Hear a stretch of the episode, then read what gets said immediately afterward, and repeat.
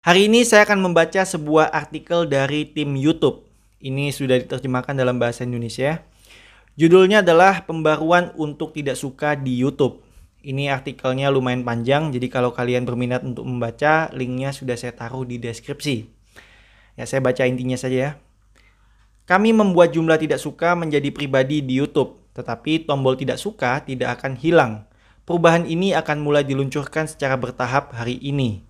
Kami ingin menciptakan lingkungan yang inklusif dan saling menghormati di mana pembuat konten memiliki kesempatan untuk berhasil dan merasa aman untuk mengekspresikan diri.